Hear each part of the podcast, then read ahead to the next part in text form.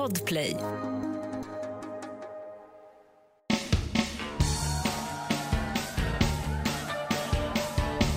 Elaka recensioner kan få den mest timida artist att gå i taket. Men det är en oskriven lag att låta bli att höra av sig till den som har skrivit sågningen. Men det struntar Ulf Lundell i. När hans notbok sågas i Dagens Nyheter sätter han sig vid skrivmaskinen och går till vild motattack. Det sätter en boll i rullning som tar sig hela vägen i domstol. Välkommen till ännu ett avsnitt av Misslyckade brott. I den musikskola som Podplay kallar studio sitter vissångaren Mattias Bergman Tack. och Hötorgspoeten Andreas Utterström och dricker rom i regnet. Sommarsäsongen av Misslyckade brott kommer med ett avsnitt per vecka i sommar. Men du som lyssnar genom Podplay kan höra alla fyra avsnitt redan nu. Hötorgspoet är ingen slump för att det finns en rolig historia om Uffe och Magnus Uggla. Har du hört den? Nej. De berättar sig i någon dokumentär om Magnus Uggla. De två träffas på 70-talet vid någon pissoar i samband med någon spelning. Mhm. Och då kommer Uggla in och säger så här, här står Hötorgspoeten. Och då, och, då, och då säger Uffe, hellre Hötorgspoet än ingenting. Mm. Då är Uggla tyst en stund och sen säger han, hellre ingenting än Hötorgspoet. Ja, vem vinner? Uggla, för att det, han var ju en comeback som var nästan omöjlig. Ja, han finner sig ju där. Ja. ja. Den hade jag inte tagit på uppstuds kan jag säga. Mm, jag kan se om det. Mm. Harry, ja, ja. Ja. Jag ska inte göra uggla för det blir, går jag inte. Skönt. Låt oss börja det här avsnittet med en brasklapp. Vi vet nämligen att det finns en del jurister som lyssnar på den här podden. Därför är det bäst att vi redan nu påpekar att det vi ska berätta om i det här avsnittet inte är ett brottmål, utan en rättslig tvist som kommer att avgöras i domstol. Men ibland så genar man lite i kurvorna om man gör misslyckade brott. För den här historien är en del av svensk nutidshistoria och dessutom oerhört underhållande tycker vi. Som så ofta när det handlar om den gamle besten Ulf Lundell, artist, författare och konstnär, född 1949. Lundell har skrivit romaner som Jack och En varg söker sin flock. I Expressen kallad En snigel korsar sitt spår. För att det är en sågning då. Alltså, Ja, Ankan Det var var så tråkigt. Ja, mm. Ja. Lundell har gett ut skivalbum som Kär och galen och Den vassa äggen. Den vassa äggen, den så kallade skilsmässoskivan. Mm. Lundell har ägnat hela sitt vuxna liv åt att längta tillbaka till 1967, men mest känd är han kanske för balladen Öppna landskap. Den som borde ersätta Du gamla du fria som nationalsång om man följer en gammal enkätundersökning som tidningen Expressen gjorde. De senaste åren har Ulf Lundell frälst oss, om vi gillar honom, med tjocka böcker som handlar om honom själv. I såväl Frukost på en främmande planet från 2003 som de senaste årens Tegelstens-tjocka dagböcker skriver Lundell om en vardag som tycks präglad av ensamhet, leda och rastlöshet. Han lyssnar på P1 och läser Dagens Nyheter. Han blir vansinnig. Han tappar tron på Sverige, vill emigrera, tar bilen till Toscana, dricker så mycket cappuccino att han blir sur i magen. Åker hem igen, går på gym, ser en sexig ung kvinna, blir upphetsad och tvingas duscha kallt. Och det är väl en jättebra beskrivning av hela Ulf Lundells väsen. Men jag måste ge honom en sak Andreas och det är att hans boktitlar är riktigt bra. Mm. Jag gillar ju honom som författare. De här dagböckerna som heter Vardagar, de är jag kanske inte så förtjust i, men jag tyckte det var väldigt kul att läsa honom för så här 20 år sedan när jag då var i början av min journalistkarriär. För som journalist så skriver man ju ofta så här, korta meningar, allt ska vara eh, glasklart, det ska vara eh, förenklat och det ska vara eh, kortfattat. Då kan det vara väldigt kul att läsa en författare som skriver så här meningar som aldrig tar slut och som ibland struntar i skiljetecken som är mer så stream of consciousness, Mm. som, som har en helt annan stil. Mm. Eh, så att de har jag uppskattat mycket. Musiken lämnar mig eh, ganska kall. Jag är varken något stort fan eller någon Mm. som tycker illa om musiken. Men Lundell har ju en fanbase och nu, nu kommer det att bli klassiska Bergmanska generaliseringar här. Där jag själv tänker att det ofta är män som gillar honom och ser att de, de hittar någonting i hans beskrivningar av saker och ting där de känner att Uffe är the man. Mm. Jag vet inte om det är beskrivningar av relationer mellan män och kvinnor eller synen på frihet eller om det liksom är det här 67-67 och då var vi unga och snygga eller vad det kan vara. Men Ja, men sen är det ju också den här bredbenta gubbrocken är ju ganska lätt att ta till sig. Gillar man Springsteen så är det klart att man gillar Uffe. Och eh, han är också oerhört bra med språket. Jag har intervjuat honom några gånger i min gamla journalistkarriär och jag kan säga att han är en av få intervjupersoner där man ordagrant skulle kunna skriva ut varenda mening exakt så som han säger den. Mhm. Väldigt liksom eh, duktig på att i stunden formulera sig. Det är väldigt ovanligt. Och det finns betydligt mer hyllade författare än han som absolut inte har den förmågan i en intervjusituation. Mm. Så att en fröjd att intervjua och ger intressanta svar på nästan vad som helst. Sen kan man hålla med eller inte hålla med om Mm. hans analyser och hans åsikter men, Mm. men det är ju fantastiskt då när man är reporter och pratar med någon att, att få så välformulerade svar. Mm. Så att han, är, han är ju en begåvning med språket. Han är också den typen av kändisar som ger journalister jättebra rubriker och vinklar och sen blir jättearg när de skriver artiklarna. Mm. och då kommer vi in på det här att när Lundell är arg, för då är han ju aldrig så rolig som då. Och arg är han ju också ofta. Mm. I dagböckerna då retar han sig på alla från Donald Trump till Joakim Lundell, alltså mannen som före hette Jockiboi förr i världen. Just det. Ulf anklagar Joakim Lundell för att han är en parasit eftersom de två råkar ha samma efternamn. Men Jocke Lundell har ju inte tagit sitt namn. Han är ju döpt till Lundell. Parasit likväl. Ibland är Ulf Lundell lika ilsken från scenen. Vid ett tillfälle, som finns på Youtube, då skäller Lundell ut en man i publiken som skriker “Kom igen nu Uffe!” Och ja, just det, han får ju jordens rant här, Lundell, där han går runt på scenen och säger att den här kommentaren känns som en piska. Och att den här betalande mannen i publiken, han, han är så jävla bonnig. Ja, det är ett riktigt utbrott. Ja, det är värt att googla fram det där klippet ni lyssnare, för det är fantastiskt bra. En annan gång retar sig artisten Lundell på att han känner igen fansen närmast scenen. Lundell börjar ranta om att han är trött på att se samma ansikten och säger att ni får pengarna tillbaka dubbelt upp om ni inte kommer tillbaka. Det här, det här är ju rent korkad med tanke på vad en konsertbiljett kostar för människor. Ja, det är ju tjänstefel. Det är det. Hur arg man än blir. Jag tycker i princip enda gången en artist har rätt att bli förbannad från scenen, det är ju om folk inte håller käften, om man spelar typ eh, på cirkus och det ska, det ska liksom så ballader och sånt. Mm. Ungefär som att Lale en gång började gråta när folk inte var tysta på Södra Teatern för hon tyckte att hon hade så mycket att säga. Det kan man, Oh, det, det kan man tycka är pretentiöst och det här var i början av hennes karriär. Men jag gillar ändå det. Och det andra tycker jag är om någon, eh, om folk från publiken slänger upp saker på scenen. Full förståelse för om någon blir förbannad då. Men att samma person, alltså trogna fans som säkert har köpt alla hans skivor, alla böcker, möjligen också sparat för att köpa lite konst av honom, får skit för att de kommer att titta på honom. Det är ju helt ofattbart. det är inte klokt. Nej.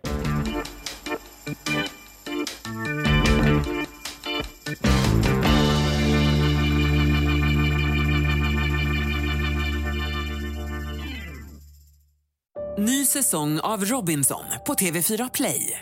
Hetta, storm, hunger. Det har hela tiden varit en kamp.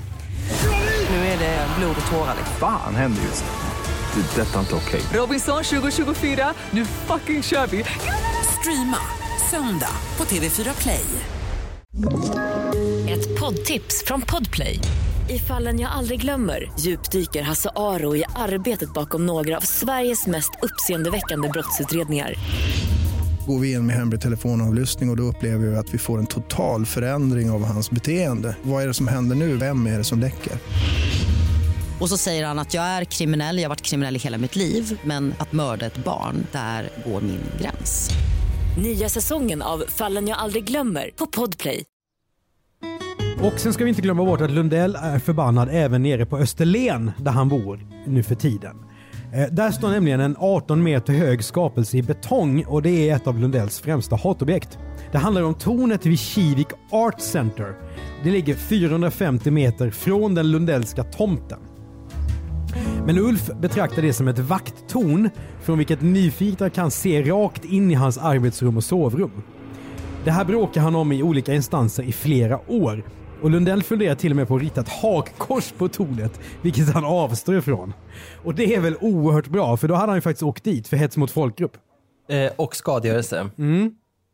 Striden om det här tornet, Det, du känner det här, det är tolken. Ja, det är det. Sagan om, ja, det är Men vem liksom är Uffe? Är han, Ganda, Helms är, klyftor. är han Gandalf eller är han en, en hobbit? Nej, men jag tänker på du vet slaget vid Helms klyftor. Just det. Där den här kungen är, han är ju typ förstenad eller vad det är och deprimerad och alldeles grå. Och sen så livar du upp honom på något vis. Det är ingen av de här Gandalf och de här tunga liven. Nej, just det. Jag tror att Lundell annars betraktar tillvaron som att han är omgiven av or- orcher. Nej men gud ja. Både bland publiker, vänner, fiender och vad du vill. Men Lundell förlorar striden om tornet. Det här Kivik-tornet står kvar än idag. Och Lundell bor kvar också. Trots att han har hotat med att flytta om inte den här betongklumpen rivs. Och det här med att hota om att flytta är ju någonting som går igen i Lundells liv. Han ska flytta till Norge, han ska lämna Europa och det, precis, att nu flyttar jag från Sverige. Jag vet inte hur många artiklar som har skrivits på det temat när det gäller Lundell. Ja, hur mycket som helst. Och sen så ibland gör han ju det också ett halvår. Och sen kommer han igen. Ja, då har han blivit sur i magen av sin cappuccino igen. Eh, Ungefär så. Jag har gråtit med kvinnor, jag har skrattat med kvinnor. Nej, Ulf Lundell är inte den som avstår från en fight. Och den kanske mest kända som han har varit inblandad i handlar om någonting så osexigt som intrång i upphovsrätten. Men det är mycket mer underhållande än vad det låter. Vi tar det från början, tillbaka till 1998. Då ger bokförlaget Wahlström och Widstrand ut Notbok Ulf Lundell Best of. Det här var ju på den tiden man kunde ha tre ord med punkter och sånt i titlarna. Mm. Den här boken innehåller noter till 34 av Lundells låtar, men också 122 stiliga fotografier. Ett förord av Lundell själv och en diskografi, alltså en lista över alla album som han har gett ut mellan 1975 och 1997. Mattias, om vi gav ut en bok med manus till 34 avsnitt, skulle vi då också ha 122 stycken foton med, varav många svartvita och eh, med rörelseoskärpa? Mm. Kanske inte. Ja, idag tar man ju inte bilder på det sättet, men i övrigt ja. Kan du, har, du, har du boken? Nej. Har, har du sett bilderna? Mm. Eh, Kan du beskriva lite grann vad de föreställer? Ja, är det, det- Lundell på varenda bild? Nej men det är precis eh, vad du tänker. Det är landskap och det är Uffe och det är så här eh, Corbyn-aktiga. Corbyn, känd eh, fotograf Ja, som, Corbyn, som ja, plåtade mycket skivomslag och har plåtat flera åt Lundell. Ja, det, ja, men då fattar jag. Mm. På tidningen Dagens Nyheters kultursida, den malligaste vi har, Utan konkurrens. ja gud ja, Mm. där vill man givetvis recensera notboken. Och uppdraget går till medarbetaren Carolina Ramqvist och hon är ju såklart utvald av redaktionen för att de vet att hon avskyr Lundell. De vet i alla fall att sannolikheten är stor att det här blir, eh, som man brukar säga, en spänstig text. Mm. Och det blir det för att Ramqvist är långt ifrån förtjust. Hennes recension publiceras den 25 juni 1998 och där skriver hon att kvinnor som tycker att Lundell är sexig och klok möjligen kan få ut någonting av den här notboken. Ramqvist verkar inte tro att det är så många kvinnor det handlar om. Hon kommenterar också i sarkastiska ordalag de 122 bilderna som då föreställer allt ifrån Uffe i solbrillor till en fäktad tjur. Hon avslutar med att konstatera att ingen behöver den här boken. Hon kallar den för en coffee table-mässig livsstilskatalog att masturbera över. Ja, och Mattias, du som har varit redaktör, Ja, och inte bara det, du har varit redaktör på Dagens Nyheter i sju år. ja men dock inte på kultur. Nej. Är det här en formulering över gränsen? Vi gör tankeexperimentet att, du hade fått den här mejlad till dig av, Kat- av Carolina Ramqvist. Hade du då sagt till henne att du kan inte skriva att det här är en runkbok? Nej, jag hade nog publicerat. Mm. Tycker du att det är nära gränsen? Alltså, det här är ju en recension. Mm. Hon ska tycka någonting. Mm. Jag hör ju till de som tycker att det är viktigt att recensioner tycker någonting. Mm. Allt för ofta är ju recensenter idag resonerande. Det är å ena sidan och andra sidan. Och vad de tänkte på när de gick till konserten. Ibland också det. Eh, men just det här ordvalet tänker jag på. Jag tycker att det är ett slarvigt ordval. Men jag hade, och jag hade nog diskuterat det med personen. Förstår du vad det betyder när du skriver det här? Förstår du vad undertexten kan vara? Liksom? Eh, förstår du vad du säger till de som gillar Lundell och så vidare? Mm. Men när vi haft en diskussion och inte hon hade dragit tillbaka, då hade jag nog publicerat. Jag tycker också att det är, det, det är hårt, men det, det får en rutinerad artist som Uffe eh, bara eh, liksom, eh, stå ut med. Om han däremot hade varit eh, debutant, då tycker Det hade aldrig hänt. Att, då hade hon inte skrivit så här heller. Nej, det hade hon inte och då hade jag gjort en annan bedömning som Ja. redaktör. Men man ska inte glömma, jag tänker på en annan sak. Det som man fastnar för här är ju då masturbationen. Mm. Men det hon också säger är ju att boken, som såklart kostar några hundra spänn, inte är värd sina pengar. Nej, och det tycker jag är en viktig konsumentupplysning. Exakt så. Mm. Många skrattar nog åt den här giftiga texten. Men det gör inte Ulf Lundell. Han sätter sig vid sin skrivmaskin för han har ju givetvis ingen dator. Och han knattrar fram ett brev till Carolina Ramqvist som inleds med “Lilla gumman”. Och det gör han ju helt medvetet såklart. För redan vid den här tiden så anser man ju att lilla gumman kallar man inte kvinnor. Sedan undrar Lundell om det är så att Ramqvist alldeles kissat på sig den här gången. Vidare föreslår han att Ramqvist ska gå ut och ge lite kärlek. Då kanske hon kan få lite i retur. För nu är det, tycker Lundell, som om hennes blick rostar. Vilket jag tycker faktiskt är ett underbart uttryck. Din blick rostar. Ja, det har närmast norenska kvaliteter. Nog är det bra? Ja, det är väldigt bra. Ja. Kan det vara så att Carolina Ramqvist inte har någon pojkvän, spekulerar Lundell. Och så avslutar han det hela med orden “Du får ta och lugna ner dig”. Och jag kan då tycka, om man ska relatera här, att hans sätt att kommunicera är ju kanske elakare än hennes. Jag tycker nog att en hård recension får också räkna med en hård, ett hårt motangrepp från någon som blir arg. Så att jag tycker att hon ger honom en, en högerkrok, han svarar med en vänsterkrok och jag tycker båda får stå ut med det här. Det, det ingår i deras jobb att de får stå ut med att folk blir arga. Det gör det definitivt. Mm. Ulf är nu inte den första i världen som har blivit förbannad på kritiker om vi ska zooma ut lite grann. Ingmar Bergman, han såg nästan ner en kritiker en gång och det har vi ju berättat om tidigare i den här podden. Ja, fast det var väl så att han, han satte sig lätt ner på rumpan, eller hur var det? Ja, det var ju kritiken Bengt Jansson. Han slog ner eller puttade eller stötte till. Det var Ja. ju lite oklart det där. Ja, men det var ju, om jag minns rätt så hade ju Bergman uppsåt. Han ville ju slå ner honom. Mm. Men då satte sig Jansson ner bland en massa notställ på Dramaten. Det kommer noterna igen. Ja, just det. Ja. Och Bergman blev ju sen dömd trots det. Mm. Det var ett roligt avsnitt att spela in. Men alla artister och författare vet att även om man blir arg och skriver ur sig vad man tycker om den här recensionen så ska man ju stanna vid det. Man ska inte skicka den. Men det gör ju Ulf. Han lägger brevet till Ramqvist i ett kuvert, klistrar igen, sätter på frimärke och lägger det i brevlådan. Utan att hinna komma på tanken att det här kanske inte är någon bra idé. Carolina Ramqvist inte bara läser brevet från Ulf. Hon skriver också en krönika i Dagens Nyheter den 13 februari 1999 om brevet och citerar då vad Ulf har skrivit till henne. Och det däremot tror jag inte att jag som redaktör hade tyckt varit så allmänintressant för Nej, läsarna. det är ju internt. Mycket internt. Men då hade hon säkert, som man gärna säger på DN Kultur, kontextualiserat detta. Är detta kanske slutet på historien? Nej då. För den kommer nu istället att gå in i sin nästa ännu mer dramatiska och rent kriminella fas.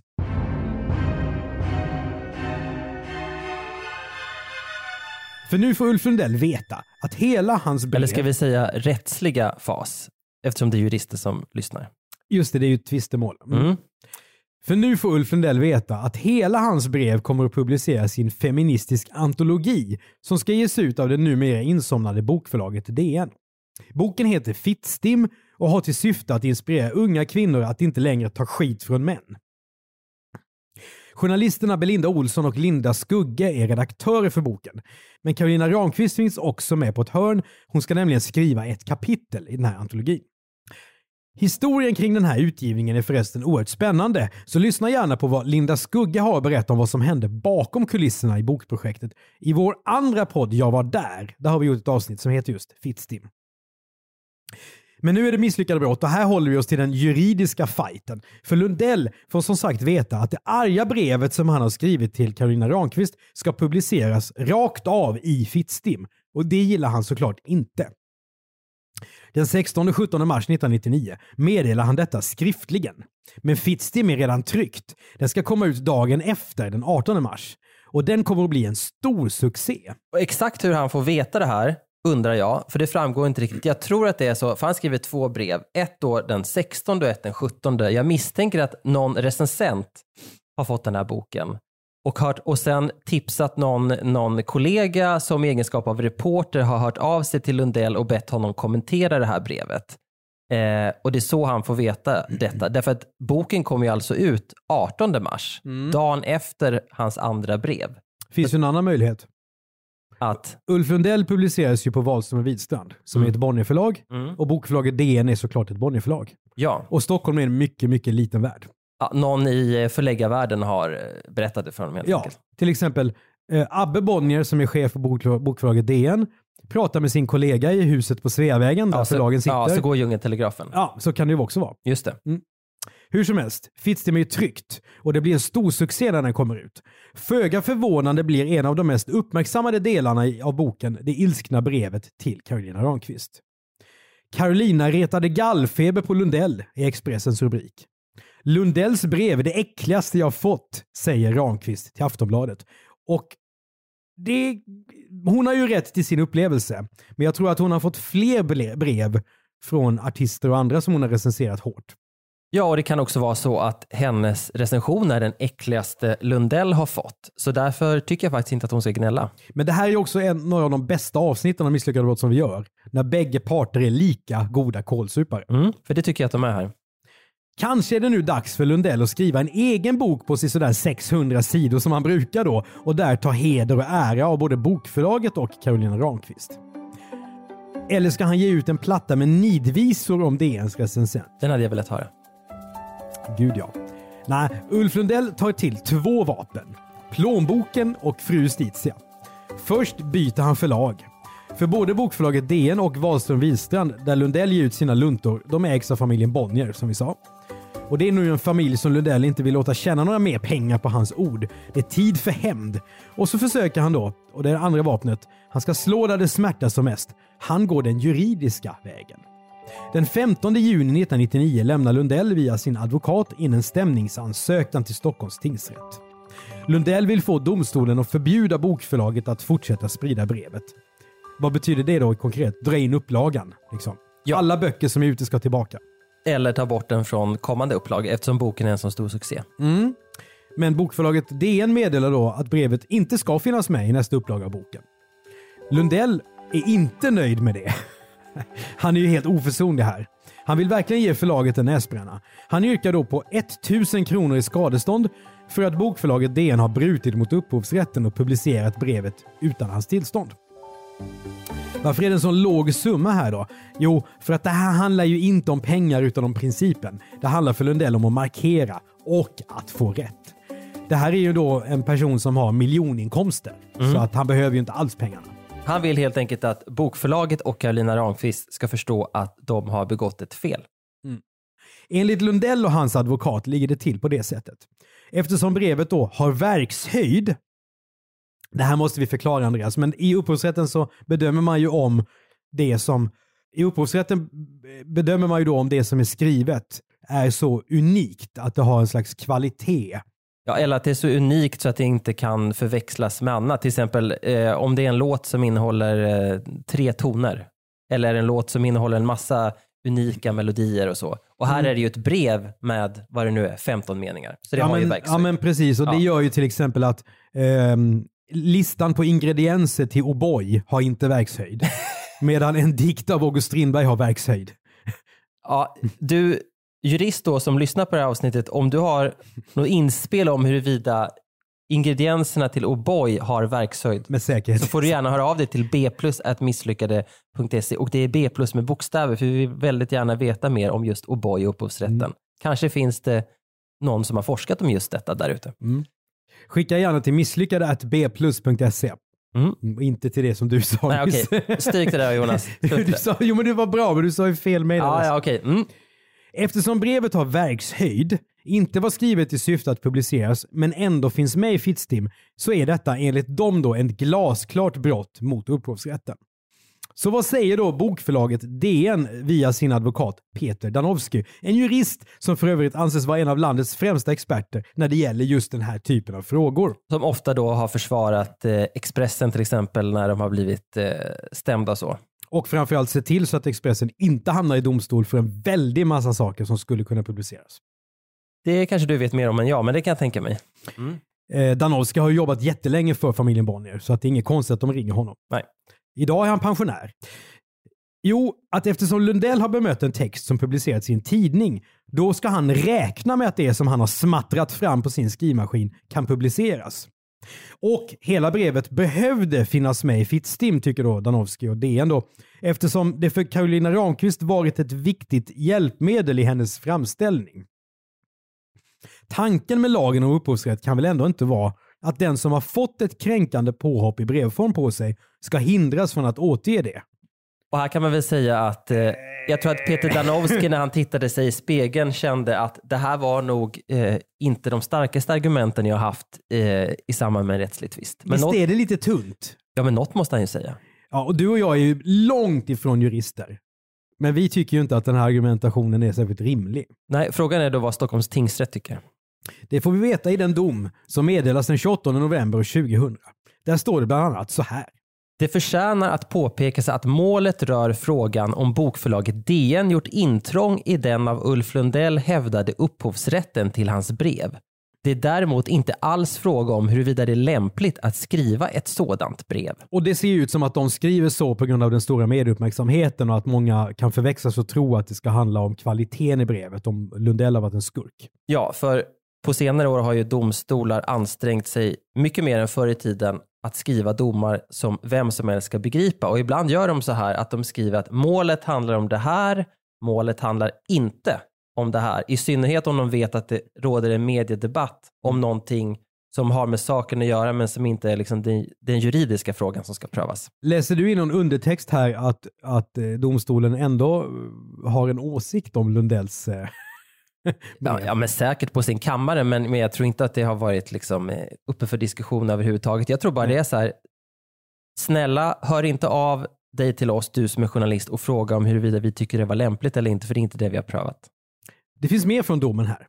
Vad Carolina Ramqvist, Dagens Nyheter eller bokförlaget DN kan ha haft för uppfattning om upphovsrätten är utan betydelse. Burn skulle jag säga. Och exakt där får vi väl veta vad Peter Danowski kanske tyckte när han stod framför spegeln där. Ja, för att eh, exakt. Ja, om man tyckte att lagen, om man har tolkat lagen på ett visst sätt eller haft åsikter om, om eh, hur den borde vara. Sånt kan ju liksom läggas fram under en förhandling när folk eh, vittnar eller lägger fram sin sak. Det ju, har ju inte med saken att göra. Nej. Hur tjock är den här domen? Den är tio, åtta sidor eller någonting. Mm, det är alltså kort dom. Ja. Och det visar också att Stockholms tingsrätt har haft ganska enkelt att reda ut det här. Ulf Lundell får rätt. Bokförlaget DN ska betala den yrkade tusenlappen och dessutom stå för rättegångskostnaderna på 85 000 kronor. Och därmed är saken utagerad rent juridiskt som vi brukar säga. Men vad händer då sedan? Jo, Fittstim säljer slut. Idag är boken kult och går bara att komma över på bibliotek eller antikvariat. I vår podd då, Jag var där, där berättar Linda Skugga att det inte trycktes några fler exemplar för att skribenterna som deltog i boken blev osams med varandra. Där säger hon också att hon har försökt att få till en intervju med Ulf Lundell eftersom bägge två är ensamvargar och därför borde förstå varandra. Kanske till och med skulle kunna bli kompisar. Men Lundell har konsekvent nobbat Skugge. Och det, det var vä- väldigt roligt att, att träffa Linda Skugge som är en unik personlighet oavsett vad man tycker om henne och samma sak som skribent. Vissa älskar, andra fattar ingenting. Men är det någon text eller någon, något poddavsnitt eller vad som helst, en tv-dokumentär som jag skulle vilja se, läsa eller höra så är det ju Linda Skugge möter Ulf Lundell. Men du har ju intervjuat bägge de här personerna. Mm. Tror du de skulle... mm, Kan inte du fixa till lite? Eh, om jag hade sådana eh, magiska förmågor så skulle jag lösa det i ett, eh, i ett nafs. Men Carolina Ramqvist då? Hon som sågade Lundells notbok så hårt. Ja, hon fortsätter att skriva. Både tidningstexter och böcker. Tidigare i år, 2022, kommer hon ut med boken Bröd och mjölk. Som en recensent beskriver som en psykoanalytisk matodyssé. Och där kommer vi väl in på det där vi pratade om tidigare. Om hur kritiker skriver om böcker på ett begripligt sätt. Detta är då en komplimang ska jag bara säga. Ah, okej. Mm. Jaha, det läste inte jag in riktigt. Jo men så är det. För- Den har blivit, de recensioner jag har läst har varit eh, väldigt positiva till den här boken. Ulf Lundells hantering av det han kallar för Fittstimsdrevet är på sätt och vis också en psykoanalytisk odyssé. Och det har jag skrivit i manus, inte som en komplimang. Nej, okej. Mm. I åratal fortsätter Lundell nämligen att älta den här saken i böcker och intervjuer. Sen lyckas han dock hitta andra saker att reta sig på. Ulf uttrycker sig till exempel i en bok så elakt om författaren Camilla Läckberg att hon hämnas genom att donera 20 000 kronor för att bevara det där betongtornet som har fått Lundell att se rött. Ja, det, jag älskar den hämnden. Är hon bäst i Sverige på hämnd? För att Leif GW Persson sa något taskigt om henne också. Eh, om, om, han, hänvisar, han jämförde henne med typ Nicky Lilltroll eller någonting. Nej. Han, han sa att hon skrev som i Min häst Just det, och då, fick, då beställde hon en prenumeration på min häst. till Leif GW. ja. Ja. det tycker jag var väldigt roligt. Ja, det ska man ge henne. Ja. Hon är väldigt stark där. Mm. Lundell säger också i ett mejl upp kontakten med sin dotter Sanna efter att hon i en podd har uttryckt skepsis mot att hennes pappas nya flickvän är 33 år yngre än honom då. Mm. Han sparkar sin gitarrist Janne Bark efter 3000 års samarbete eftersom kollegan har blivit härmopportunistisk och börjat måla. Och där är han ju så patetisk. För alltså Janne Bark och Ulf Lundell, det är ju, eh, vad ska vi säga, det är ju ler och långhalm. Det är som om Helan hade sagt upp kontakten med Halvan. Ja, typ. Mm. Där ska vi dock säga att Lundell senare ångrar sig, för det gör han ju också ibland. Oh ja, det är ungefär som de här, eh, nu ska jag flytta utomlands. Ja, exakt. Och så blir han kvar på Österlen. Våren 2022 när vi spelar in det här avsnittet är Ulf Lundell 72 år gammal. Men till skillnad från andra som har uppnått den åldern verkar han inte vara det minsta intresserad av att tagga ner. Till den här sommaren är 17 spelningar redan inplanerade och vi tycker att vi känner doften av målarfärg nere från Österlen. Precis som en annan ilsk mångkonstnär, August Strindberg, verkar Lundell bli mer kreativ med åren. Och precis som med Strindberg så är det som om Lundell, som då är en av Sveriges mest folkkära artister och författare, uppfattar hela samhället som en sammansvärjning enbart riktad mot honom. Kanske skulle han följa det råd som han en gång avslutade sitt brev till Carolina Ramqvist med. Du får ta och lugna ner dig. Du som lyssnar på Misslyckade Bort i Podplay, du kan lyssna på alla fyra avsnitten i sommarsäsongen redan nu. I nästa avsnitt av Misslyckade Brott, om IT-konsulten som blev spion, men råkade prata om sitt spioneri ute på gatan. Du har hört ett avsnitt av Misslyckade brott av Mattias Bergman och Andreas Utterström. Exekutiv producent av podden är Jonas Lindskov. Tipsa oss om fall som vi borde prata om i Misslyckade brott till misslyckade bplus.se. Prenumerera gärna på podden och betygsätt den i din poddspelare så är det fler som hittar till den. Du som lyssnar på Podplay, du får ut alla avsnitt av säsong 10 samtidigt, så du har mer att gotta dig åt. I vanliga fall driver jag commercial content som jobbar med företagspoddar. Tillsammans med Mattias gör jag för Podplay bland annat dokumentären Jag var där. Lyssna gärna. Podplay, en del av Power Media.